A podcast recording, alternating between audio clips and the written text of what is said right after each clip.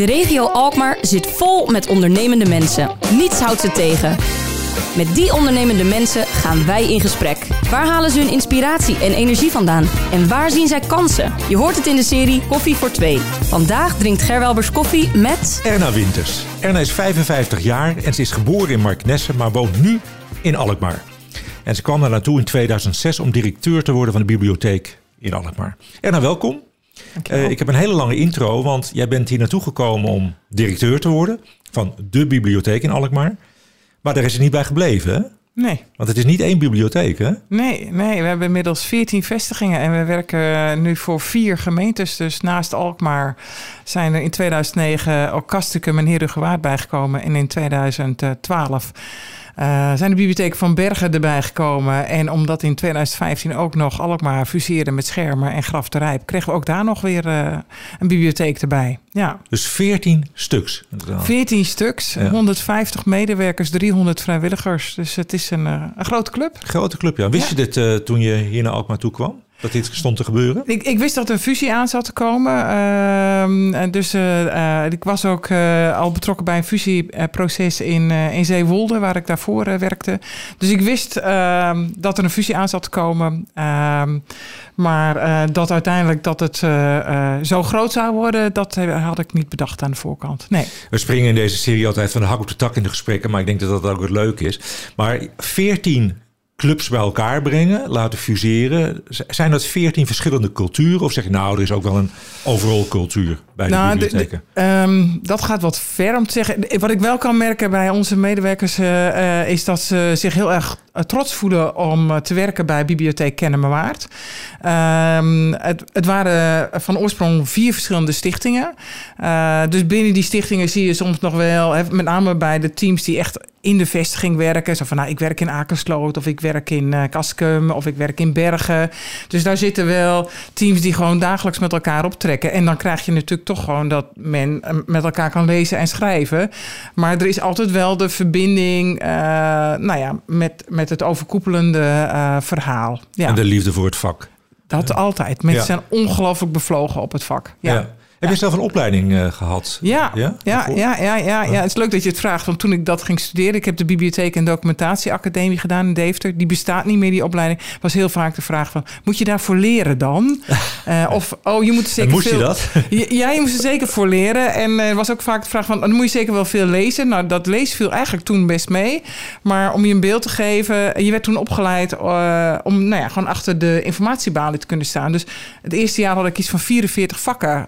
Uh, heel breed van uh, westerse, niet-westerse cultuurgeschiedenis, uh, filosofie, psychologie en, en allerlei natuur- en wiskunde, maar in de basisprincipes. Dus je hoeft er niet de stelling van Pythagoras te weten, maar bewijzen wel van spreken wel wie Pythagoras was. Ja. Ik zei altijd als iemand aan de balie komt en vraagt van heeft u iets over Leonardo da Vinci, dat je dan toch een beetje moet kunnen plaatsen. Niet zegt, oh was dat diegene die de gloeilamp had uitgevonden.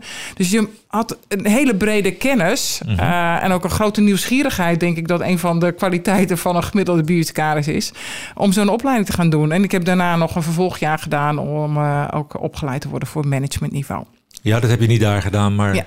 Waar heb je dat gedaan? Nee, dat, heb ik, dat was het eerste uh, stukje management. En daarna heb ik, uh, uh, nou dat is al een flink aantal jaren later, in 2003 en 2004, een public governance gedaan aan Nijenrode. Oké, okay, dus wat, wat dat betreft heb je de balans tussen enerzijds de inhoudelijke kant van het vak en anderzijds, en dat moet je wel hebben als je 14 vestigingen hebt, de, de, de managementstructuur. Ja. ja. ja. Um, je hebt hiervoor, voordat je naar Alkmaar kwam, ook bij andere bibliotheken gewerkt. Zeewolde noemde je al even. Ja. En nog meer? Of, uh... ja, ja, ja, ik ben ooit begonnen in, uh, na een hele korte periode in Emmeloord in de bibliotheek. En daarna in uh, Ulft. Dat ligt in de Achterhoek. Ik zei altijd één keer struikelen en dan lig je in het grote Duitse Rijk. Ja. Zo dicht lag tegen de grens aan. En van Ulft ben ik naar Maarn gegaan. Utrechtse Heuvelrug, Vianen, Zeewolde, Alkmaar. Ja, voelt dat als thuiskomen? In, in, uh, ja, ik vind uh, de mentaliteit van de Noord-Hollanders, uh, uh, die spreekt mij bijzonder aan. deze regio, gewoon niet lullen, maar poetsen. En doe maar Gewoon, hè, dat doe je al gek genoeg. Hoewel ik wel uh, hou van een beetje gek doen. Dus wat dat betreft uh, past me dan weer niet zo. Ik denk dat een beetje trots op de dingen die je presteert. Uh, dat dat nog wel iets meer hier in de regio mag komen. En ook eens wat boven het maaiveld uit durven te steken. Um, maar ja, ik heb denk ik wel ook zelf die poldermentaliteit. En dat is natuurlijk niet verrassend, aangezien ik zelf ook een uh, poldergrietje ben. Ja, dat bedoel ik. Dus wat dat betreft was de stap eigenlijk een hele natuurlijke stap. Ja, nee, ik, ik, kende deze regio niet goed. Uh, maar ik, ik, vond het wel gewoon een, een, uh, een leuke uitdaging. Ik had zoiets nou weet je, ik wil wel eens een keer naar een, uh, naar een stadsbibliotheek. En ja, dat dat vervolgens dan uitmondt in directeur worden van een, een, grote regiobibliotheek. Ja, dat is dan alleen leuk meegenomen. Ja, en om je cv even helemaal af te maken. Je hebt ook nog tijd voor wat vrijwilligerswerk. Ja. Als ik, wat doe je naast je werk bij de bibliotheken? Ehm, ik zit in het 4 mei-comité van uh, Alkmaar. Uh, en uh, ik zit in een raad van toezicht van het SOFON. Dus het voortgezet onderwijs hier in de regio. maar ik weet niet eens wat ik... Nou, ja, ik doe in, in, in mijn vak doe ik ook het een en ander aan vrijwilligerswerk. Mm -hmm. Maar... ja. Nou, even dan naar je, naar je baan. Hè. De, uh, mensen hebben wel een beeld bij de bibliotheek. Hè, dat je daar boeken kan lenen. Ik denk dat dat wel het beeld, het algemene beeld is. Maar de bibliotheek doet natuurlijk veel meer tegenwoordig. Hè? Ja. Schets ons eens wat de huidige bibliotheek Oef. van een functie heeft. Ja, nou, uh, en we hadden maar een half uur, hè, zei je. Dus, uh, hm. um, nou, wat we onder andere doen is mensen helpen als zij minder taalvaardig zijn. mensen helpen hun basisvaardigheden op orde te krijgen. En dat zit op het digitale vlak. Dus we bieden vrij veel cursussen aan en ondersteuning voor mensen die nou, de weg in de digitale wereld niet kennen. Dus uh, uh, hoe maak ik een DigiD? Hoe zorg ik voor een veilig wachtwoord? Uh, hoe ga ik om met de digitale overheid? Dat soort dingen. Hoe ziet die groep mensen eruit?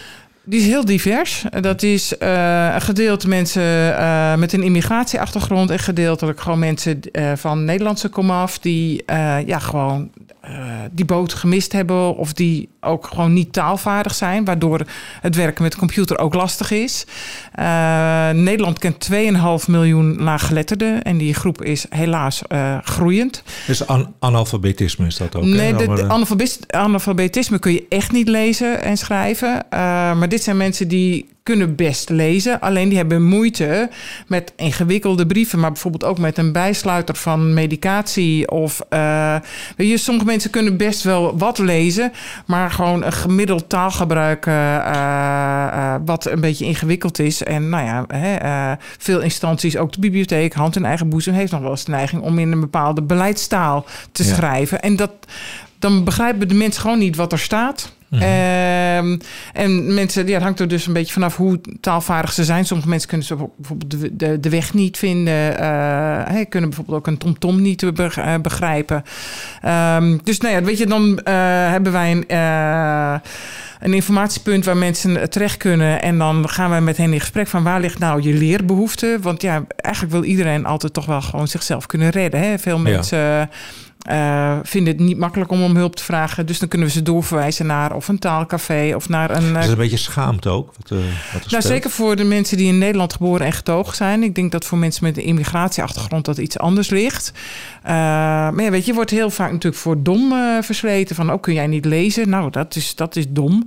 Ja, terwijl dat soms maar te maken heeft met het feit dat je nou ja, in de klas gewoon niet goed meekwam. en lezen, nou ja, de, lezen is natuurlijk de afgelopen jaren uh, niet echt een hobby geweest waar mensen een afnemend plezier aan lezen. En natuurlijk twee weken geleden Arjen Lubach die er nog aandacht aan besteedde dat Nederland de kampioen is in leeshaat. Jongeren vinden lezen gewoon absoluut niet leuk. En, Hoe nou, komt dat, denk je?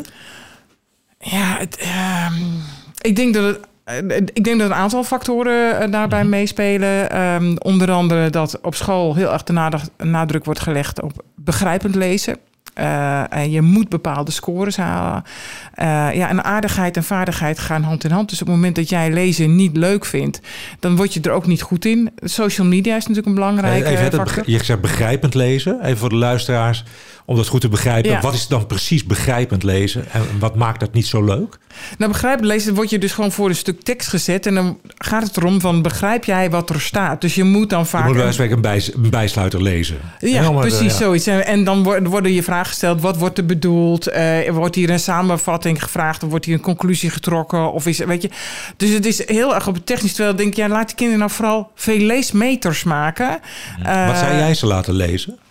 Ja, hangt van hun leeftijd af. Maar denk van, pak gewoon een, een goed kinderboek. En, en ga ook als leraar eh, eh, of als juf ga ook gewoon veel voorlezen. Ik bedoel, ik bewaar hele goede herinneringen aan de meester en de juf. Die gewoon elke week een half uur voorlas in de klas. En dan, weet je, dan was, eh, soms mocht je meelezen. En dan zat ik al vaak helemaal vooruit te lezen. Ja. Omdat te wilde weten hoe dat verhaal ging. Of klassikaal met elkaar lezen. Hè, dat je wilde weten eh, hoe, het, hoe het verhaal verder ging. En dan zorgde ik wel dat ik als eerste in de biep was en dat boek al ging lenen. Want ja, ik wilde weten hoe het afliep. En weet je, dat je ook een leeshonger en een leesnieuwsgierigheid bij die kinderen eh, creëert. En dat gebeurt nu te weinig. Ja. Waardoor kinderen, ja, en, en als je ook lezen leuk vindt. Eh, hoor ik ook wel van kinderen zeggen, ja, dat zeg ik maar niet, want dan word ik ook al stom eh, ervaren. Dus ik denk, ja, eh, de- wat mij betreft is er niks zo leuk als een goed boek en een goed verhaal. Nou, dat snap ik vanuit jouw Ja, positie. dat- natuurlijk. Ik, ben, eh, ik heb een gekleurde opinie. Maar uiteindelijk, ja, en lezen is ook iets waar je moeite voor moet doen. Hè? Dus het is eh, je hoofd, je moet je hoofd aan het werk zetten. Dus jij moet zelf de plaatjes in gaan kleuren. Als jij naar een filmpje kijkt op YouTube of in een game zit, het is allemaal voor je ingevuld.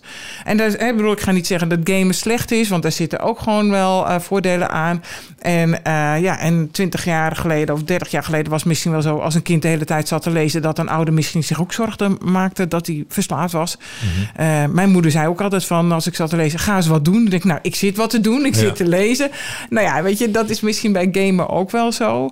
Is de Nederlandse jeugd anders dan in het buitenland? Als je kijkt naar het Ja, in, in eh, eh, Nederland en België zijn dus ook de enige eh, twee landen. Heb ik geleerd van eh, Lubach hoor, dat wist ik zelf niet.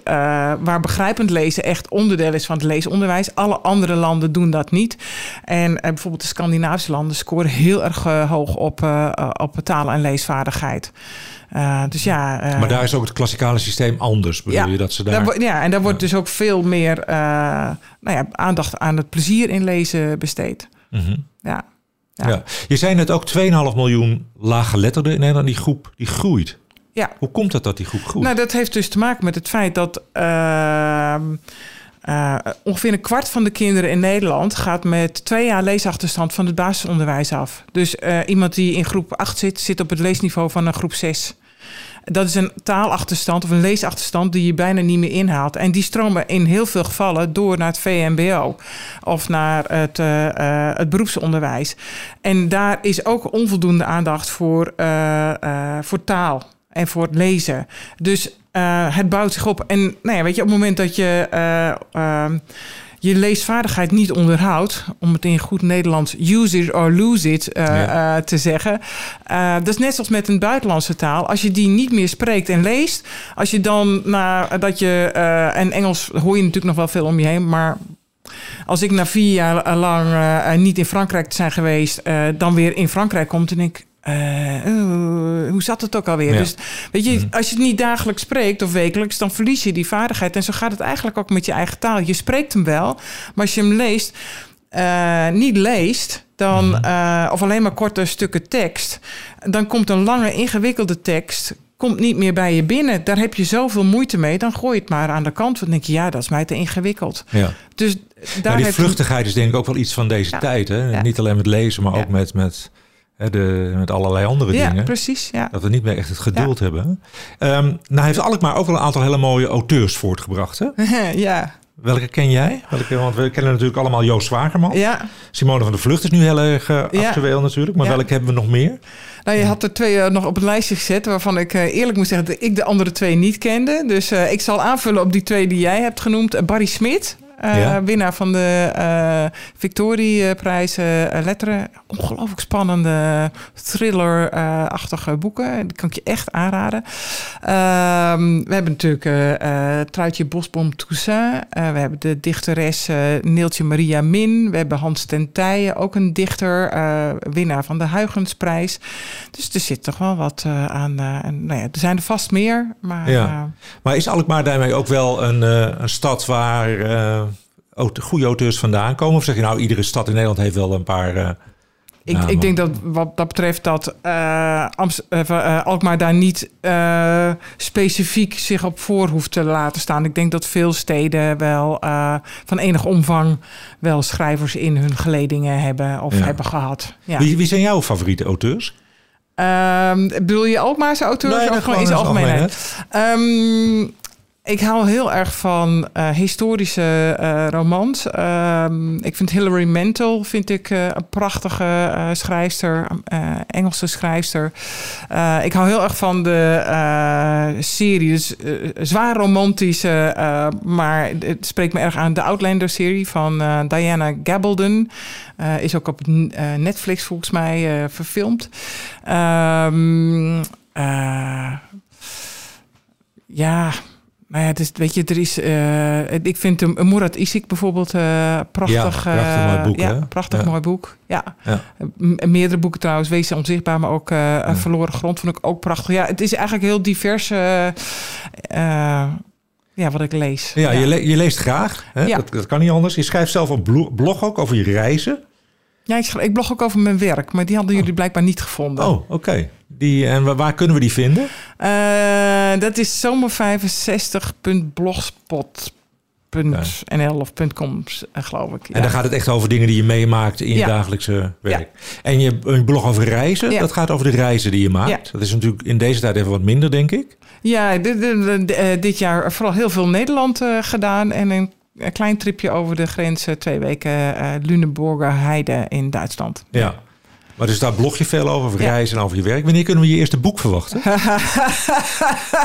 Wanneer ik echt dus tijd heb. Maar eh, ik, het, het kost me soms al moeite om de blogs een beetje vlak na de vakantie of vlak na het tripje te schrijven. Dus ach, af en toe speelt het wel eens door mijn hoofd. Maar ik denk, nou, of ik daar nou echt goed genoeg voor schrijf, dat durf ik zo niet te zeggen. Mhm.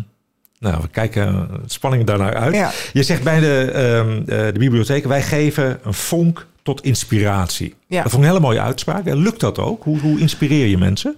Hoe breng je die vonk over? Ja, nou, ehm, de grap was, we, we, we, we gingen natuurlijk van wat doet de bibliotheek nog meer? Hè? Toen eh, raakte ik aan het taalhuis. Nou, we, ehm, wat we bijvoorbeeld ook doen is code dojo's organiseren. Dus dat is eh, kinderen, maar ook volwassenen leren programmeren. Maar dan computers leren programmeren. Nou, dan zie je dat dat is iets is wat mensen helemaal niet zo bij de bibliotheek verwachten. Maar wij vinden dat een stuk kennisoverdracht. Eh, en dan zie je dat mensen ontzettend enthousiast daarvan eh, eh, raken. En ineens hebben we dan ook weer veel meer mannen binnen dan gebruikelijk. En die raken helemaal geïnspireerd. En er is ook een groep vrijwilligers die daarbij betrokken is. die zich dus daar ook aan, aan wil verbinden. Wat we onder andere doen is juist dat leesplezier waar we het nu over hadden. dat doen we op eh, 44 locaties bij basisonderwijs. En 44 locaties bij kinderopvang. Leidsters op de groep en ook leerkrachten vertellen hoe ze kinderen dat leesplezier bij kunnen brengen. gaaf. Ja. Eh, nou ja, gewoon in de vestigingen door allerlei lezingen te organiseren over allerlei onderwerpen. Eh, mensen op die manier ook op een andere manier kennis laten vergaren of soms met elkaar in gesprek gaan. maar ook inspireren. Dus dat is inderdaad ook die vonk ja, eh, ja, overbrengen. Ja, ja, Ja, Ja. mooi. Erg Ja. mooi. Nou hebben we in deze serie ook altijd dat we je wat dilemma's willen voorleggen.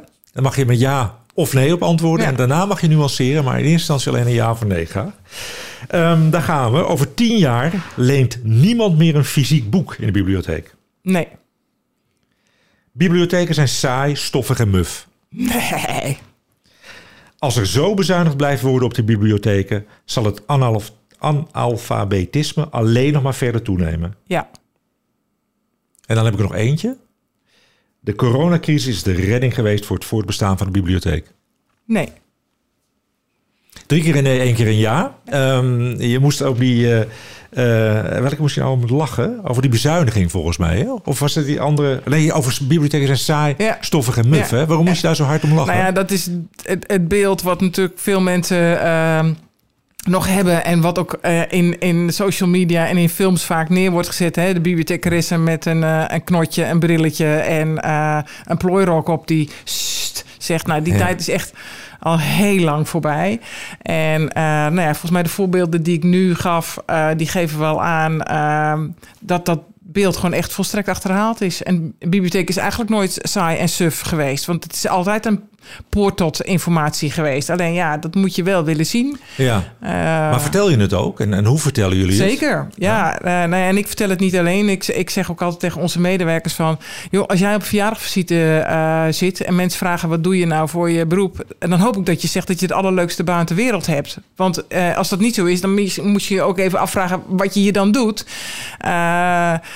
Het, het is zo'n ongelooflijk... eh, eh, ehm, dynamische omgeving eh, met al die veranderingen die eh, ook op ons afkomen. Hè, de gemeentes die ons meer dingen vragen. eh, we hebben een aantal jaren geleden bijvoorbeeld, toen er in Herengewaard jongeren waren die elkaar via social media opriepen om te, met elkaar te vechten. En meisjes die ten slachtoffer vielen aan loverboys, hebben wij een programma voor de gemeente Herengewaard ontwikkeld voor het voortgezet onderwijs. En we draaien dat nu ook op het bo- bovenbouw van het basisonderwijs. Dat noemen we dan veilig puberen. Maar dat leert jongeren eh, om te gaan met social media. En ook te zien wat eh, hun acties daar voor effect hebben. Maar we hebben ook een programma voor de ouders. Want ouders weten ook heel vaak niet wat hun kinderen doen op social media.